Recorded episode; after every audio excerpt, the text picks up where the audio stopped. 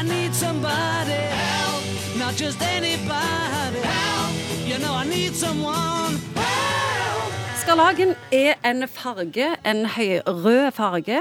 Og opprinnelig så var skarlagen et kostbart vevd ullstoff med denne rødfargen.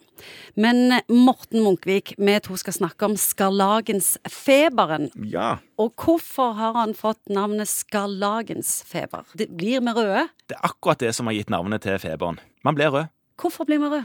Så det starter med at eh, pasienten får en halsinfeksjon. Ofte et barn. Vet ikke helt hvorfor, men det er ofte barn som får dette her. Voksne kan òg få, men barn helst. De får en halsinfeksjon, streptokokker i halsen. Kroppen reagerer med å få en immunreaksjon. Immunreaksjonen lager antistoffer, og så er det giftstoffer fra bakterien som gjør at blodårene spiler ut. og når de spiller ut, så blir man rød i huden. Og etter noen dager så begynner man å skalle av, for sånn hudavskallinger, særlig Oi. på fingre.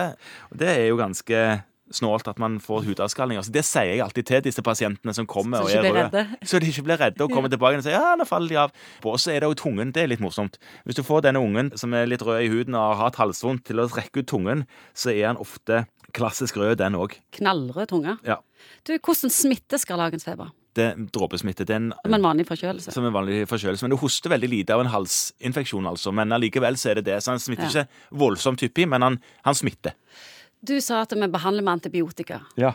Og nå er det sånn at flere og flere blir immune. Ja. Hvordan blir framtida? Skal utviklingen fra nå og helt tilbake til før vi oppfant penicillin? Vi lever på lånt tid.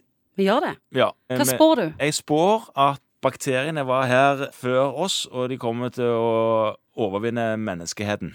Det skjer ikke i din levetid, Ingvild, men altså, ja, det, det tror, jeg tror jeg nok. Hvorfor skriker ikke dere leger enda høyere om hvor farlig dette er? At eh, vi skal tilbake til før penicillin, der vi dør av skrubbsår og med Ja. små infeksjoner og all slags. Ja.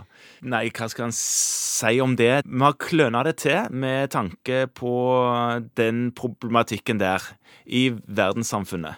Norge har vært ganske gode, men det er absolutt syn på skogen eh, hos oss òg. Mange som bruker mye antibiotika som kanskje aldri burde vært brukt. Men det er andre land som har det mye verre på et hva skal jeg si, systemnivå enn det vi har. Men det er ikke bare doktorene som eh, håndterer antibiotika heller.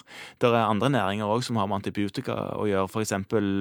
veterinærbransjen og sånne ting. Jeg sier ikke at de er verstinger heller, men jeg bare sier at det Det er skylddeling det, det, det er ikke bare leger som gir det ut, og så er det òg litt enkelt fordi at veldig mange pasienter de krever å få antibiotika for ting som ikke skal, ifølge veiledere, ha antibiotika. Og da er det noen ganger for enkelte vanskelig å stå imot. Alle har nok synda der, dessverre.